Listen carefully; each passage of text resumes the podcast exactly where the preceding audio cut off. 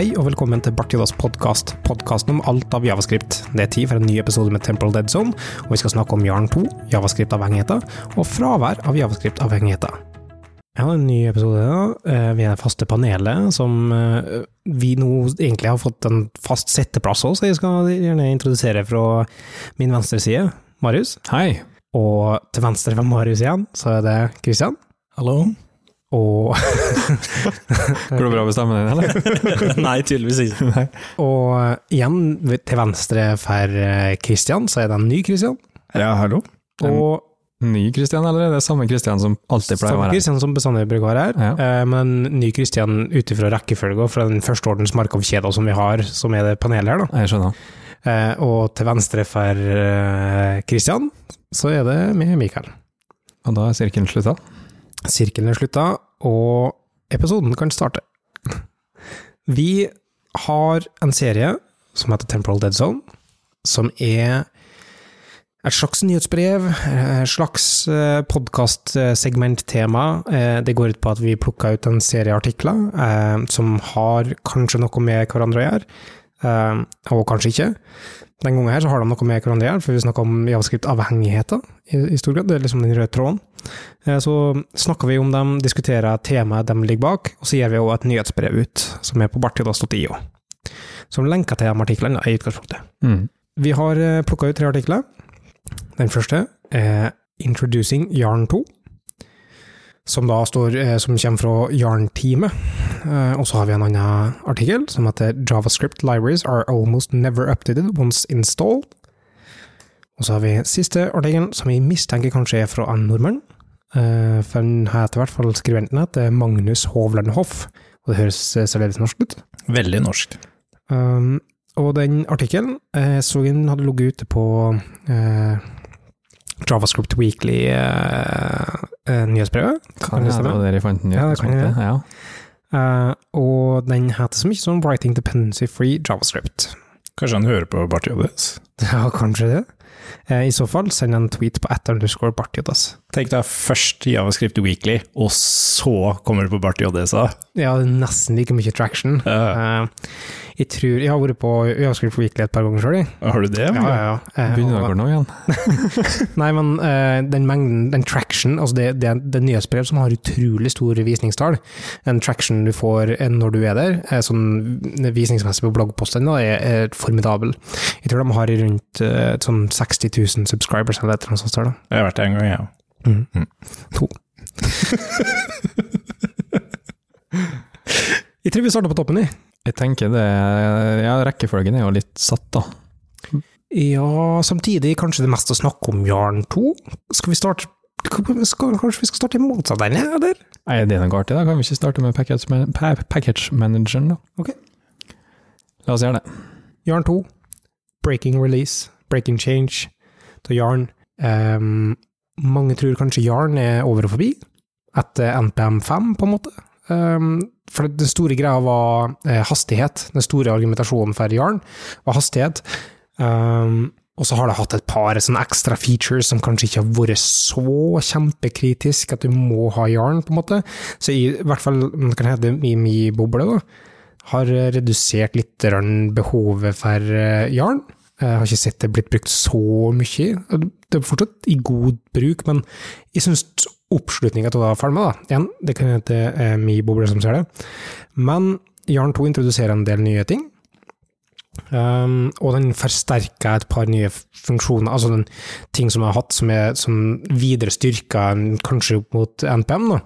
Uh, og jeg må si at uh, til å lese changeloggen, som i praksis er den, den release-posten som vi har her, da, uh, jeg må si at det er et par ting her som gjør meg interessert, til tross for at de er en, liksom, en forholdsvis aktiv NPM-CLI-bruker. Mm. Jeg må bare si at uh, jeg har et litt annet inntrykk. Oppi mitt hode i hvert fall, så jeg vil jeg påstå at Jarn kanskje har litt mer traction etter alt det problemet og trøbbelet som har vært med NPM. Hva slags problem og trøbbel? da? Altså tenker du på uh, liksom Ja, det med ansettelsessituasjonen der og sånn som har gjort at eh, sentrale spillere på MPM Sialin har hmm. forsvunnet ut av organisasjonen og Ja, Men det er litt interessant, for gjør sin egen greie. Vi skal ikke snakke så mye om det, her, men, Nei, nei, men- det er interessant at du sier for at MPM-CLI-en har vært en del av den tingen som faktisk har vært open source og blitt delvis likelt, selv om de har hatt traction, selv om det var en periode der det ikke kom noe særlig store changes. Um, så er en ting som faktisk har vært open source, da. Um, i motsetning til mange andre ting. Det er uansett god timing, da, å gjøre en breaking change, tenker jeg sånn, når det er litt sånn furore i MPM-verden. Sånn konkret, det her er ikke noe som er nytt, da. Jeg har sett det, det har eksistert ganske lenge. Jeg tror faktisk nesten siden 2018, jeg, altså. Bare at det har levd under en separat repo, eh, på samme måte som NPM har eh, Think, på et vis. Think? Think, ja, uten eh, H, eh, stemmer. Eh, så har Jarn hatt Berry. Um, så det har levd som et separat repo eh, ganske lenge. Eh, og da visste jeg det skulle bli en sånn next release, men nå har de liksom en migrasjonsplan på det. Ja, for det er det som jeg syns har vært litt sånn rart, for det har vært litt sånn diskusjon om burde dette egentlig ikke hete Jarn 2? Burde det egentlig hete noe helt annet fordi det er så annerledes? Men de har jo en migrasjonsvei der, så jeg er litt sånn forvirra av hele den diskusjonen av det.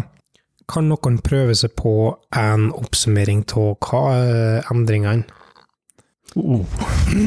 Jeg ser ikke personlig eh, helt hva det er som er så annerledes at det ikke skal hett Jarn, i hvert fall. Nei, for det jeg tenker også når du sier det, at det er så stor forskjell. Ja. Ja, de har den PNP, altså plug and play-delen, eh, men det er opt-in. Mm. Nei, det er, det er det jeg mener, da. Jeg forstår ikke hvorfor folk sier at det burde hete Ja. noe annet. Mm. Da skulle vi hatt noen som sier det da, på Vi burde hatt det, så vi kunne laga en diskusjon rundt det. Men eh, Ja, men jeg er enig i at den eh, plug and play-delen, den er jo ganske nytenkende. Men hva er plug and play-delen? Magi. Er det noen som har brukt det, eller vet Nei, jeg, jeg har ikke brukt det. Jeg har ikke fått brukt det fordi at det er, det er litt breaking changes i det. Så blant annet Angular CL-line er ikke liksom skrevet De har på en måte antatt at det finnes en Node Modules-folder, ah. og det funker ikke når du har PNP aktivert. Ja, så det er en del tilpasninger som gjøres der i så fall, da.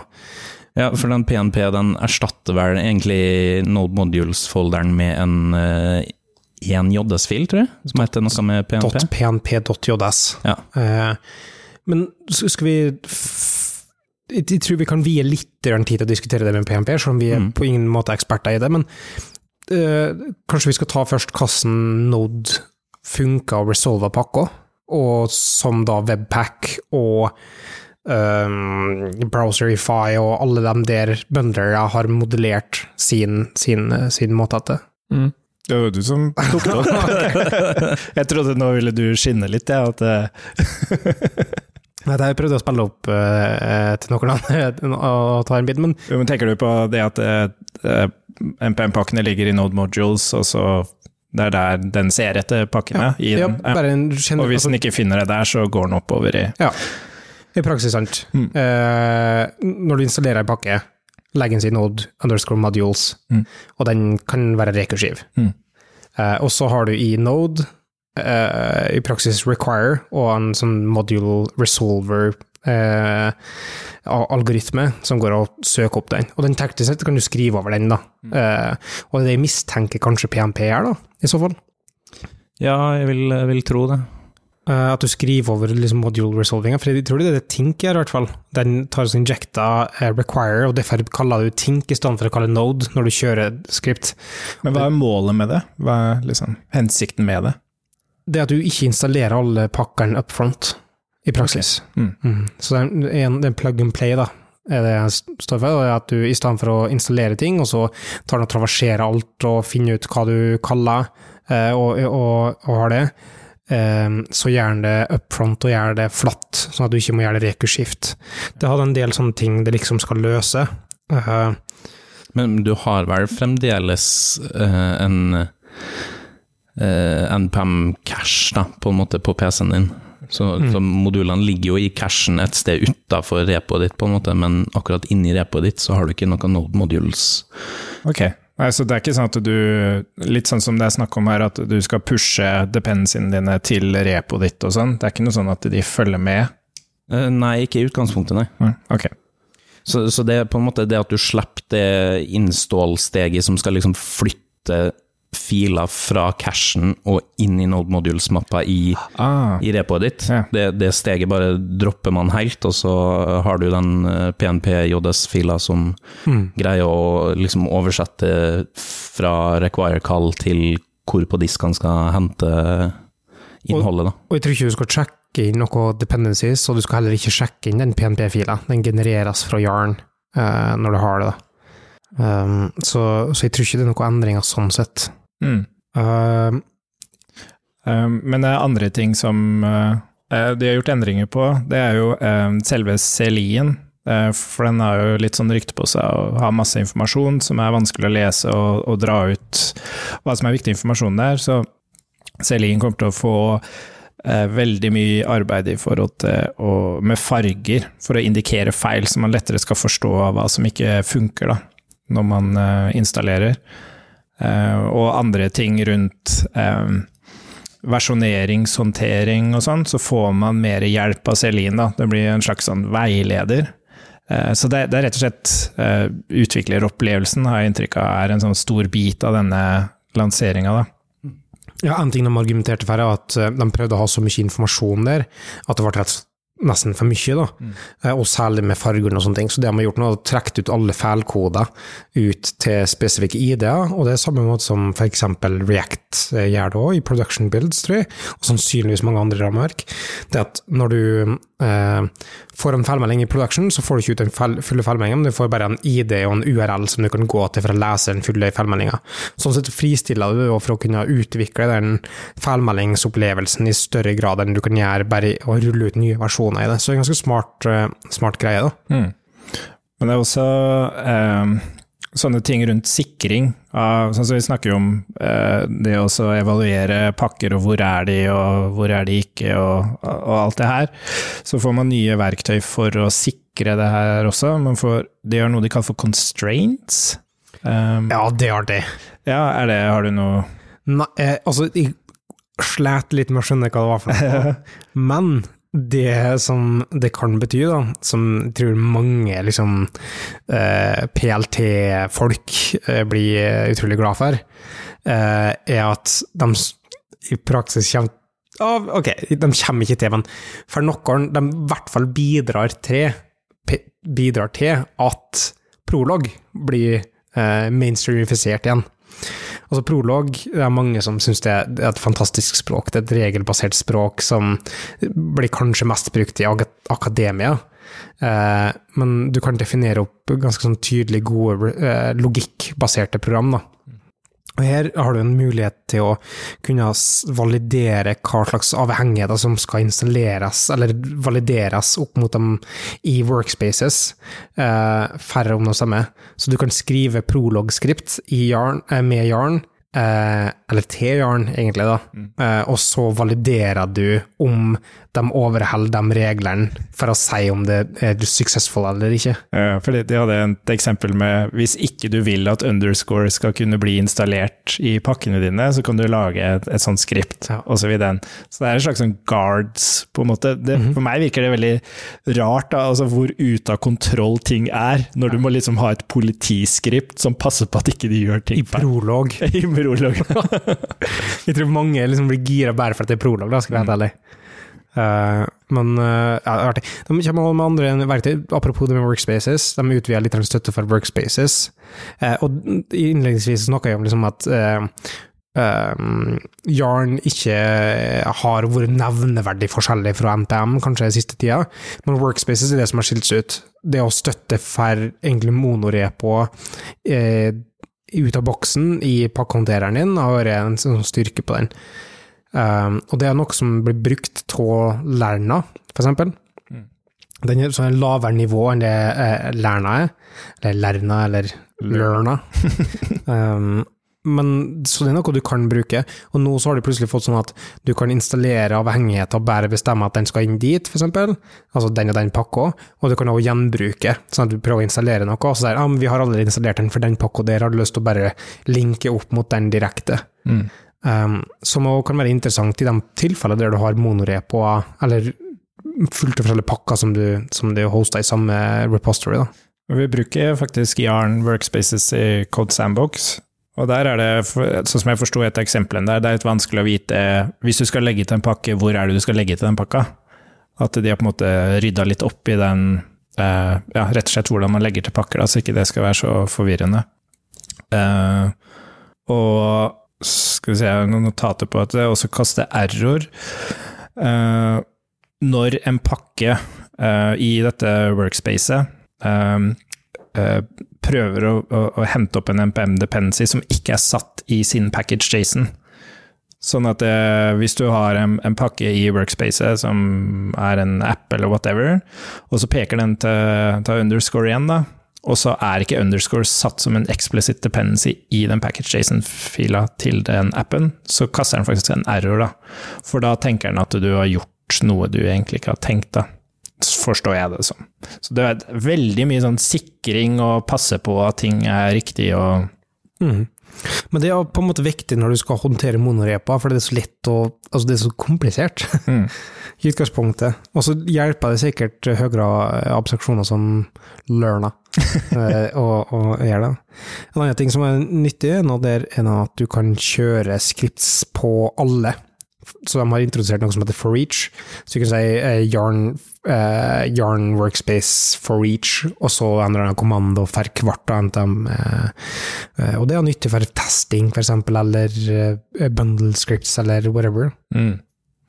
Skjønte noen av dere hva patch er? De har en patch. Ja, Jeg skjønte ikke hva det er. tror At du patcher pa Eller patcher du noe? sånn jeg forsto det, så var det som at du kunne ha en git-diff. Du vil ha Playa på en MPM-pakke hver gang den installeres. Så Ja. slipper du å forke den og Ja, lage sånn, din egen commit og Ja, så hvis du finner en bug den for, forken din. Så det, Ja. det finnes en, en, en BAM-pakke, eller en, en, altså det finnes en Node-pakke for gjort her fra før av, eh, som jeg ikke husker i farta akkurat nå, men etter en sånn cross-patch eller etter noe sånt der, som ser utrolig nyttig ut.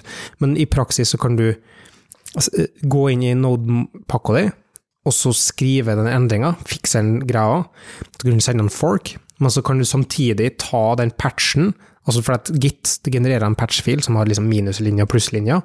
kan du ta den patchfila, lage den som egen fil i, mapp, i, i mappestrukturen din, og så applye den patchen hver gang du installerer avhengigheter, og så gjør den de endringene, sånn at inntil den blir merga upstream i pull requesten din, så får du de lokale endringene som fikser feilen din.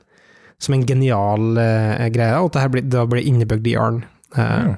ja, det finnes tilsvarende mekanismer sånn, som tredjepartsavhengigheter eller hjelpeverktøy i Node-verden, men her så er det da innebygd. Det som også skjer her, som er verdt å merke seg, som, eh, det er jo det at de skriver om til TypeScript, går vekk fra flow, og som de mener vil da gjøre det enklere for folk å Altså vi får, vi får mer bidrag, da. Det er kodebassen. Hvordan tror du For, for Jarn Yarn var i utgangspunktet et Facebook-prosjekt, sant? Ja. Og Flow er det samme. eh, Og React har skrevet mer og mer om til TypeScript. Jarn Yarn er mer og mer om til TypeScript. Eh, Det støtter opp under påstanden om at Flow er på sakte, men sikkert på vei ut. Hvorfor, ja. Sjøl om de har prøvd å, altså prøvd å ta nye grep de siste periodene for å profesjonalisere seg, da, men too little, too late. Ja, For er det så annerledes? Altså, hva er det de Altså, det er jo annerledes, men det så Kan det være så annerledes at det Den største forskjellen sannsynligvis som vi kan komme på, er at den satser på å være sound, så heter det, i stedet for complete, og så videre, som er en sånn type teoretisk forskjell, da. Eh, Som em, du ser med TypeScript at det ikke er sound i form av at når du eh, bruker en sånn slags polymorfisk arv på interfaces på, når du sender inn funksjoner, så får du ikke typesikring på det. Eh, du kan fint ha eh, baseklasser og ha forskjellige klasser å sende inn, eh, og så vil ikke typesystemet fange opp det, for at det ikke er sound. Det finnes, bare søk på TypeScript soundness, så får du opp et klassisk eksempel om animal og arv på, på klasser, da. Eh, som rett og slett bare ikke har tenkt å, å fikse. Altså for at typesystemet skal ikke støtte det. Ja, jeg tror faktisk jeg hadde sett det. Jeg skulle søke på noe annet, og da var det det Animal Mm. Ja, du kan ikke skille på det. Ja. Eh, Det finnes mange forskjellige sånne variasjoner til den, eh, og hvis du søker på det, så finner du mange sånn Stack Overflow-poster på det. Mm. Men en annen ting som jeg, jeg, jeg, ikke vi skal gå gjennom alt, men en ting som jeg syns er interessant, for at uh, link er ganske interessant i seg sjøl. Der du kan lenke til lokale pakker og si at du kan få til URL-et. Sammen med det Portal, da, som er en ny greie. Uh, jeg hadde litt vanskelig med å skjønne hva forskjellen på link og portal var, men det, som jeg forstår det, at uh, Og det står da at og Nå skal jeg lese opp at forskjellen Som er en sånn dårlig ting å skrive. So what are the difference, you say? Uh, simple, kolon. Portals follow transitive dependencies. som er sånn Ok, da vet jeg hva, som, hva transitivitet er i, i logikken. Og, uh, men det er simpelt. En litt, sånn snobbete måte å skrive på. Uh, men så vidt uh, jeg kan klare å tenke meg fram til, altså betyr det at portaler ja, så Transitivitet betyr at en relasjon til en annen, så vil det bety at relasjonen til den andre er den samme som relasjonen til seg sjøl. Altså at hvis, hvis uh, uh, A til B og B til C, så er er A til C et eller annet sånt der, sant? Ja, for sånn i praksis jeg forsto det som, er at du bruker portal på pakker, altså node module-pakker, Mm. mens link bruker du for dine egne directories, da. Hvis vi, ja. Det var, det var i hvert fall eksempelet. Det var det, var det jeg Ja, det var refererte. ek- eksempelet, men uh, de eh, portaler uh, jeg, jeg tror de skriver om alle videre avhengigheter til å være det samme, da. Jeg tror det er det som er liksom tingen. Nedover i alle avhengighetene som du har, og ikke bare den toppavhengigheten som du sier at skal være, men hver gang noen refererer til den pakka, uansett om det er langt nede i treet ditt, så vil de bruke din portal, da. Ja, sånn, ja. Mm. Interessant. Øh, nå har vi ganske sånn systematisk gått gjennom litt av sånne endringer, og sånn, men la oss ta kjapt ord til å snakke om er, er dette her interessant, er, det, er vi gira, betyr det her at Du, du har jo ikke nevnt en kanskje stor greie, da, som er den zero installs-tingen de har. eh, Zero Insults eh, f- Før det, eh, en siste ting, DLX, Mm. eh, som er interessant. Den, eh, for det jeg har savna med Yarn. I en tilfelle, hvis du bruker f.eks. Gatsby, så kommer det by default. Altså, mange av dem starter, starter med, med Yarn, så da brukte jeg litt gjennom det. Eh, da har jeg savna Npax. Uh, der du kan bare kjøre remotes og local ting. Uh, nå har de da Yarn DLX, Hmm. Uh, Som bare kjører remote. som bare kjører remote. Ja, det er et godt poeng. Eh, men hva er zero installs eh, opp mot det, da? Altså, er det Hva er zero installs, liksom? Det er jo det Christian har nevnt med at du faktisk committer noe i repoet ditt, Ok. som, som gjør at uh, ingen tydeligvis trenger å skrive Jarn install lenger. Jeg har ikke skjønt den helt, men uh, sånn jeg forstår det, så på en måte legger du inn en, en Jarn cash folder i repoet ditt. Ja, det er et annet og, og kan committe den, og da blir du liksom helt sikker på at uh, alle dependencies er fullstendig låst, og så gjør det også at uh, dem som sjekker ut repoet ditt, slipper å skrive jerninstall, eller kjøre jerninstall. Det må nå være noe som kun er relevant for konsumere, altså sluttprodukt, og ikke som bibliotek, eksempel. Ja, sånn, ja. Ja. Hvordan skal du dedupe noe når det er, hvis det er bibliotek, da? Nei, jeg tror det er som du sier, det er hvis du altså i et prosjekt, og så konsumerer du en haug med pakker. At det er ikke noe på biblioteksida. Mm. Men det, det bruker i hvert fall eh, PNP aktivt, da, for å få det her til, for å, få det her til å kjøre. Mm. Så det er på en måte En forlengelse, en utvidelse Ja. av konseptet. Ja, på et vis. Ja, For det var det jeg var sånn mest eh, Sånn av det jeg bruker MPM Jeg bruker vanligvis MPM, ja, men det var liksom det som var mest tiltalende og inter interessant. Ja. Det at du kan liksom kjøre den installen én gang, og så bare er det en del av av repoet ditt, og så trenger du liksom ikke å tenke på det, med mindre du faktisk skal endre på noen pakker, da. Mm. Lurer på hvordan det funker i praksis, for det at, i hvert fall sånn som hvis du har liksom et stort Hvis du har noe som bruker noe avhengigheter, da, og måten avhengighetstreet er bygd opp på i Javascript med så mange små pakker, så endrer det seg hele tida. Det går ikke an til noen gang å kjøre liksom update, eh, eh, sjekke om du har nye oppdateringer, og det ikke får noe resultat, liksom. Så betyr det altså eh, Hva konsekvenser får du med å sjekke inn? Altså, Mm. Hva store fordeler har det, på en måte? Mm. Ja, de har en, en artikkel der man eh, sammenligner hva, hva vil det her ha å si i forhold til å bare sjekke inn hele Node Modules-mappa di. Mm. Ja. Eh, og der er størrelsesforskjell for Node Modules-mappa. Der vil du ha x antall tusen filer på totalt uh, en gig, eksempel, mens eh, hvis du bruker mm, den zero install-featuren, så, så er det compressed. Ja, for jeg- de Og- nevnte noe at de pakker den ned i noe sånn tar Ja, jeg regner med at de bruker en tar G-set eller Mm. noe sånt. Ja.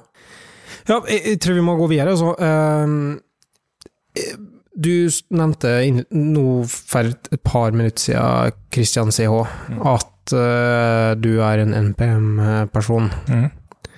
Blir du en Jarn-person etter det? her? Ehm, ja, det kan godt hende, det. Det kan være. Jeg skal i hvert fall eh, teste det. Men det er ikke noe sånn, jeg er ikke noe misfornøyd med MPM. Sånn, det er ikke sånn at jeg Jeg syns egentlig det er greit at det tar litt tid å installere de pakkene, og så kan jeg gå og hente meg et glass vann. Ja. Men jeg lurer jo egentlig litt på hva, hva er liksom sjansen for at NPM tar det vesentlige fra Jarn 2 og bare implementerer det i NPM, og så er vi tilbake der vi var, eller der vi er nå, egentlig. Der du Ja, der vi har alt vi trenger, da. Ja, det kan godt hende det Men det er jo sånn Jeg tenker MPM og Jarn, det, er et veldig sånn sunt forhold, da. At Mm. de utfordrer hverandre, i motsetning til hva som skjer nå med Chromium, og alle hiver seg på én ting og sånn. Mm. Så det er, det er veldig sunt å ha begge to, så jeg Enig. mm. Uh, det kan fint eksistere. Uh, men uh, ja, som du sier, de, jeg tror de gjør hverandre bedre. Da. Eller Jarn utfordrer litt rundt CLI-en til NPM, som er fordelaktig. Um, og så blir vi aldri kvitt NPM-CLI-en heller, da, sannsynligvis, på et eller annet nivå. Eh, Men uh, NPM hadde noe som var tilsvarende plug and play, dem òg, eller? ja, jeg tenkte. Ja. Mm. For, ja, for det, det ser jeg egentlig Hvis man får det til å snurre, Mm. så ser jeg store fordeler med det. For du, på C-servere, så slipper du liksom å flytte alle filene ved en yarn-install da, Mm. til noen modules-mapper. og Min erfaring er i hvert fall at eh, masse av fronten-byggetida på en CI-server går i, bort i yarn-install. Ja, det er et godt poeng, det. Eh, Ofte så må du gjøre det flere ganger. Mm. Særlig hvis du har en server og så en klient som kjører altså som, Hvis du sier kjører en SR-situasjon, da, så kjører du først uh, for å installere det, og så må du flytte det over til en annen plass for å så bøndle det, og så, uh, og så må du, er det vanskelig å skille hva er dev dependencies og hva er dependencies, og når skal du gjøre hva og installere alt. da. Mm. Og så er det ganske interessant, uh, nå nevner jeg Cold Sandbox igjen, men det er generelt for containere som uh, f må fyres opp for å starte en development workflow. Da. Det som tar tid der, det er ikke å starte opp containeren, det tar liksom et par sekunder, men det er det å installere alle de dependencyene. Fordi containeren går jo ned, så den må jo liksom opp og installere alt på nytt. Og der tenker jeg det kan være masse, masse spart tid. da. Mm. Ja, hvis, hvis du får ned den yarn-install-tida til uh bare noen sekunder, så kan du på en måte splitte opp, si, uh, pipelinen din på en helt ny måte. Du kan liksom ha et sted, du kan parallellisere, og så kan du ha et steg som bare kjører linting, og et steg som bare kjører tester, f.eks. Mm. Istedenfor at du har hele greia etter hverandre, fordi at du bare har lyst til å kjøre yarn-install én gang. Da. Ja, det er et godt poeng. Er interessant, for at du ehm, jeg, ser ikke nødvendigvis så stor verdi når du kjører opp en server som liksom skal ta hele treet, da. Men du skal bare kjøre verktøy på den måten der, så, så kan vi Men da hjelper det å kanskje bruke NPX eller Yarn DLX òg, Ja, kanskje. uh, uten å ta hele avhengighetstreet, på en måte. Mm. Jeg tror vi rett og slett må komme oss videre. Mm -hmm. uh, jeg tror ikke det tar like lang tid å snakke om de øvrige. JavaScript libraries are almost never updated, updated once installed. Jeg syns det var en ganske bastant eh, tittel når- eh, de skriver om to forskjellige bibliotek. jQuery, som, var en, som er helt unikt når man tenker eh, tema, da. Ja. Og så eh, solgte de inn sitt eget bibliotek. ja. Eh, Jeg regner med at de sitter på litt mer data, da, men valgte å jo det. trekke fram disse der to. det gjør de sikkert. Det, la oss eh, forklare hva konseptet går ut på i Arena, eh, før vi, før vi eventuelt angriper det. Men poenget er at de har sett på bruken av enkelte bibliotek, og sammenligna opp mot trafikk på de bibliotekene over tid, som gjør at de ser at når noe blir installert, eller når det kommer ut nye versjoner, så holder det seg stabilt på samme mengde bruk eh, over tid. Som betyr at det ikke er nye plasser som Altså, de går ikke over til nye versjoner, siden trafikken holder stabil på de pakkene. Mm. Og når du sier dem her, så mener du Cloudflare. Ja, som er, som er på bloggen deres, da. Mm. Og for den liksom, observante lytteren, da, så kan du tenke hvordan Kan de spore trafikken på øh, pakkeren på den måten der, og tenke når det blir installert nye versjoner? Jo, for dette her er det snakk om CDN-løsninger. Det er snakk om når du drar inn avhengigheter fra CDN-er, altså det, der du eh, refererer til dist-filer fra eh, script source-greia di. Så det at de skriver JavaScript libraries are almost never updated once, install, uh, once installed. Hva betyr installed i det tilfellet? her da? Det at du bruker en script source uh, uh, statement? Det er misvisende. Man tenker jo NPM-install eller Yarn-install, da. Men det er jo som du sier, det er en sk- script-tag, og det også er en spesiell type nettsider og Helt type spesiell nettside. Og jeg vil argumentere uten noen form for empirisk bevis, men kun på synsing, at det er mye sjeldnere du oppdaterer eh, via eh, dist-filer til CDN-ene enn du gjør via pakkehåndtererverktøy. Eh, For det er umulig å vite hva som breaker, og, og de har ikke noe støtte for Semver, og du bare refererer til en javascript-fil som ligger på en eller annen Content Delivery Network-node, sant? Så det har vært interessant å vite hvor mange av disse som er Wordpress-løsninger, som også har en historie for Men men sto det nevnt i artikkelen hvordan de henta ut eh, infoen sin, eller? Nei, de, de, de er en CDN-løsning, så de har sett på hva slags request de får på sin eh, CDN JS, eh, som er dem hosta, da. Ja, ja nei, jeg bare tenker at hvis du bruker Cloudflare på toppen av din uh, Asher-side eller Amazon-side eller noe sånt, Nei, det går til CDN JS, som er et eh, CDN, det er, det er et sentral repository for å hoste eh, javascript-dist-filer, som Cloudflare står for hostinga av. ja. Så det er alle som refererer til CDN JS, eh, CDN for dist-file, så har de sett på vers spesifikke versjoner på de requestene som de får.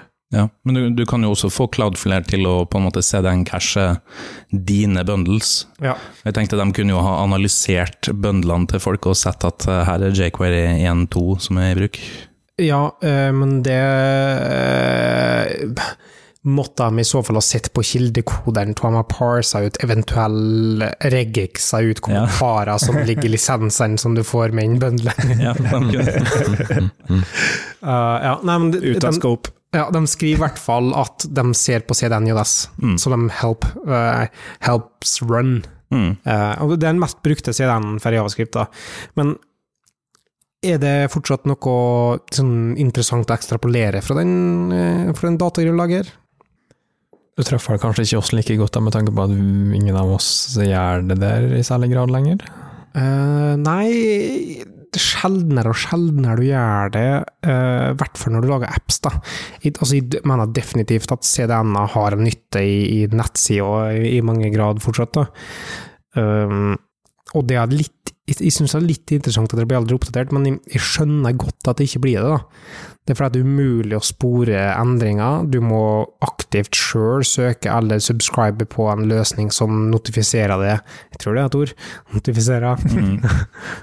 det er om endringer som skjer på det biblioteket, og så manuelt gå inn og gjøre det. Så kanskje det at du hjelper liksom et verktøy eller et eller annet sånn eh, lintmessig greier i en CI-løsning som sier at nå har du kommet en ny minor på den tingen som du har eh, inn, dratt inn her, eksempel. Mm. Men med mindre det tilfører en funksjonalitet du trenger, eller tetter et sikkerhetshull som ligger der. Patcha per definisjon er nå egentlig bugfixes eller sikkerhetshull, da, så alle patcher burde du på et vis oppgradere. Ja, men har du da motivasjon til å gjøre det, hvis eh, arbeidet er så mye? Nei, det det sier at Mm. Hvis du hadde hatt på en måte noe varselsystem for å gjøre det, eller eh, eller, eller um, CDN Jodas integrerte Semver ranges i uh, kalla sine.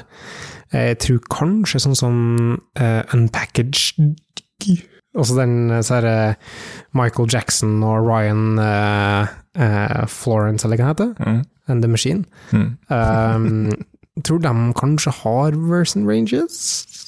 Jeg tror det. Jeg vet ikke. Noe Nei, det, er jo litt skummelt, da, for da må du jo anta at eh, folk følger Semvær, og ikke introdusere breaking eller bugs. det eller gjør du Eller. allerede, da, hvis du bruker ranges. Ja. Det, er ingen grunn, altså det er ingen forskjell på en bunding, bare at det skjer i at uh, du oppgraderer det, og så verifiserer du det i stand... Ja, mm, ja. Ja, det er jo litt Ja. risikofylt hvis uh, CDN plutselig finner ut at nei, nå skal vi ikke bruke den du har sagt at du skal bruke, Ja, skal bruke en Ja, patch. for øh, oppgraderinger som du vanligvis gjør, da går du gjennom f.eks. en QA-fase eller whatever, Mm. og så endrer jeg sånn testgreier, da kanskje, uh, mens CD-en så skjer det sånn. Mm. Men er det et problem, det her?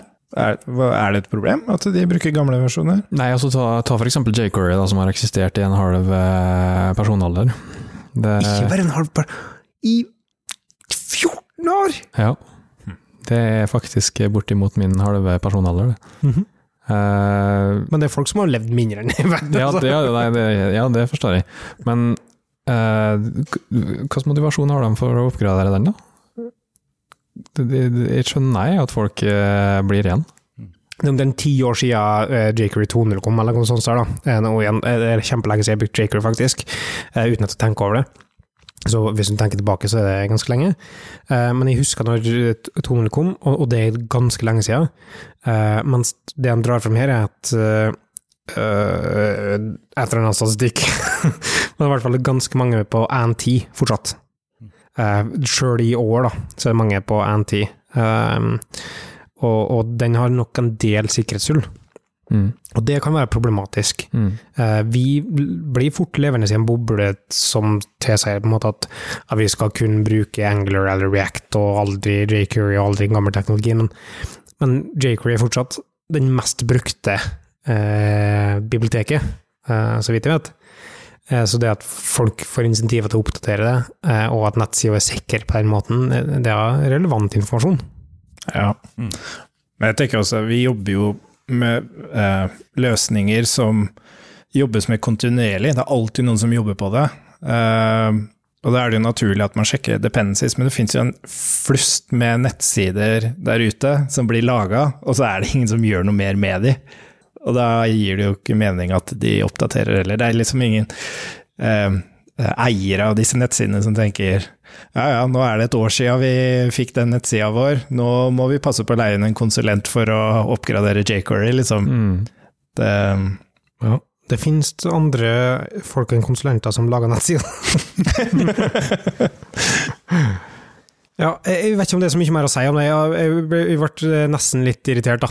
Eh, Når statistikken kom, så bare oh, juicy, interessant. Mm, mm. Det her, eh, hva vanlig er det faktisk å oppdatere avhengighetene sine i en avhengighetstre? Og så er det på en måte i en CDN-setting, da, og ikke bare det, men eksplisitt kun CDN JS.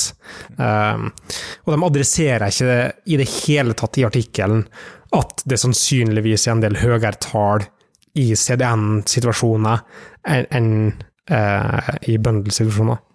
clickbait. Ja, egentlig. Vi ble alle beita, egentlig. Og vi klikka. Jo, vi. Ja, vi klikka ikke i vinkel, da, på en måte. Er det et uttrykk som folk bruker? Det går? Klikke i kryss? Klikke i vinkel? Jeg klikker i vinkel er sånn når du tilter, da. Å ja. Ja. Å nei, jeg trodde du snakka om ja. Neste artikkel.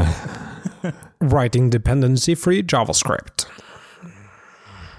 Kvitta vi oss med alle avhengigheter, da, bare? Mhm. Mhm.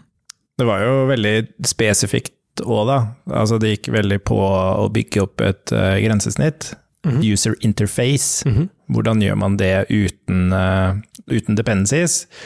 Og refererte tidlig til å, å, å jobbe mye med React, og ok, hvordan kan man dra lærdom av approachen der, og, men da klare også eh, lage noe uten React som dependency, da, og, andre dependencies. Mm.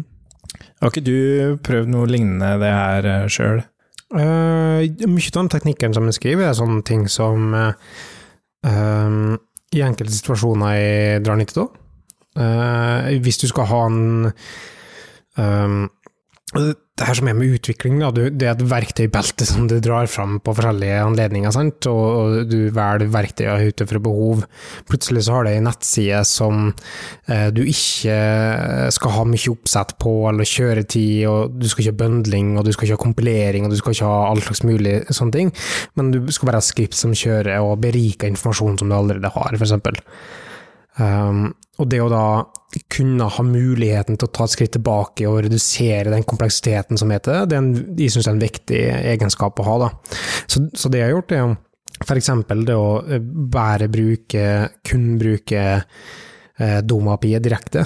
Eh, det er liksom det første steget. Det er bare å manipulere, og det å skjule og, og eh, si eh, den diven her kommer fra serveren, altså HTML-en kommer fra serveren, men så beriker vi med å hide og, og, eller å togle CSS-klasser, eksempel.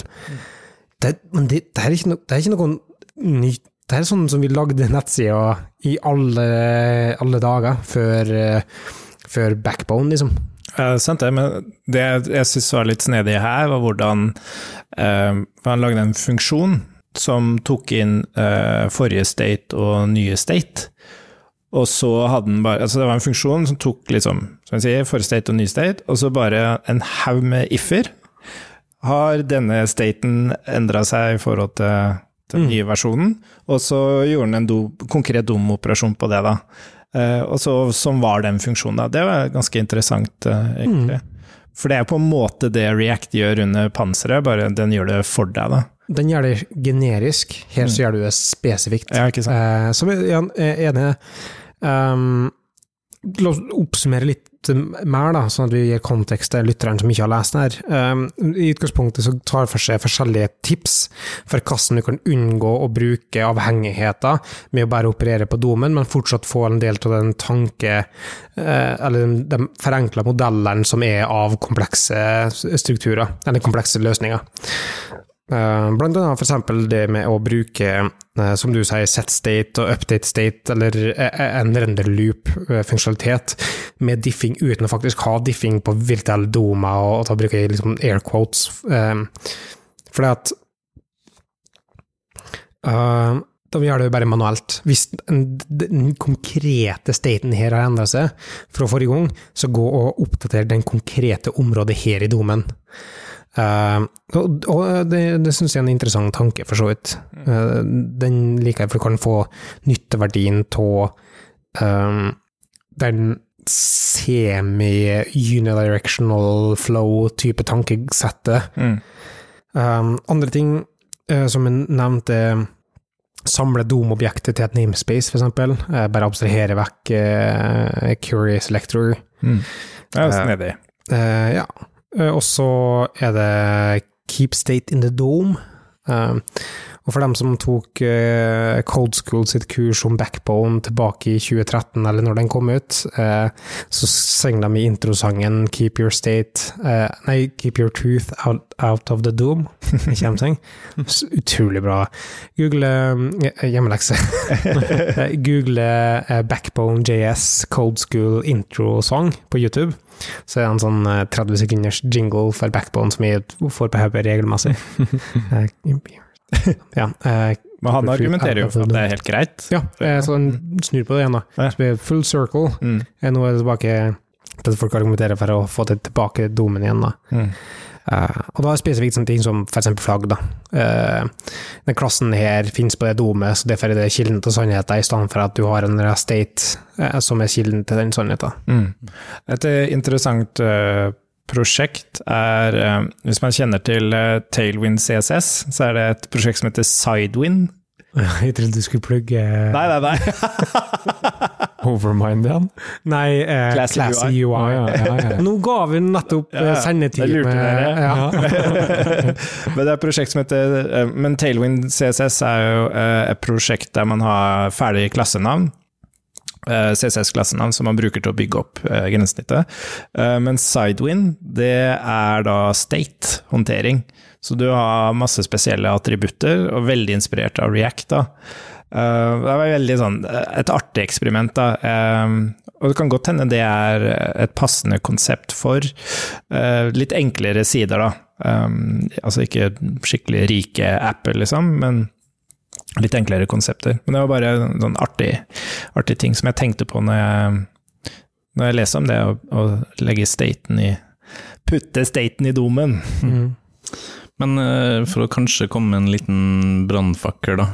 Eh, gjør ikke han bare det arbeidet som uh, sveltet ville ha gjort for det automatisk, for eksempel?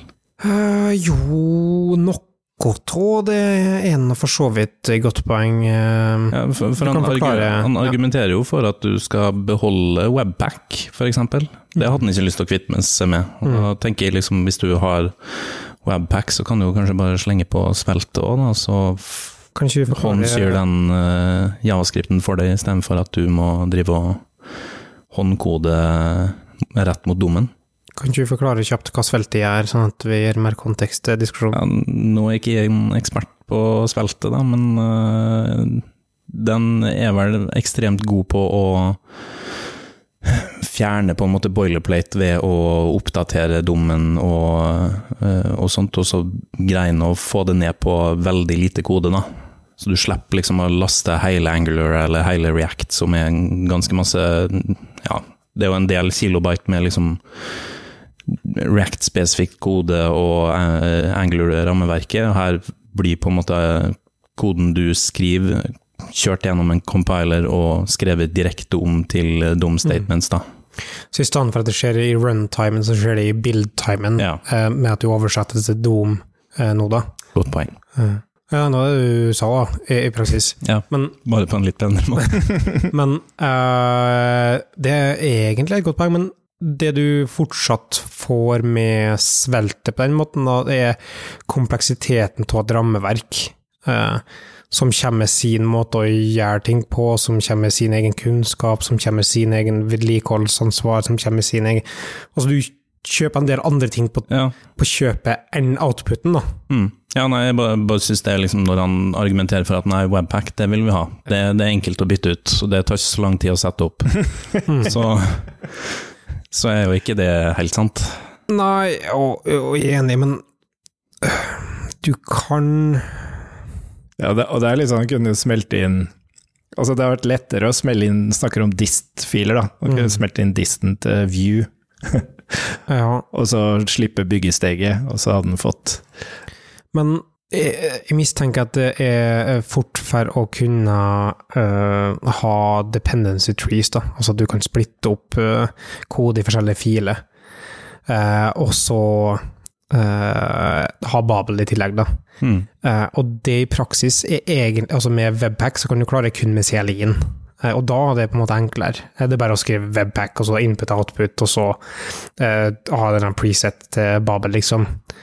Det er ikke den største kostnaden, men Nei, også, men så blir du liksom frista til å slenge på alt det andre som webpack Ja. tilbyr, da. og, og, men det der fallgruven er da, tenker jeg. Ja. Det går an til å skalere opp bruk den der et, i ettertid, hvis du får mer behov for det. Mm.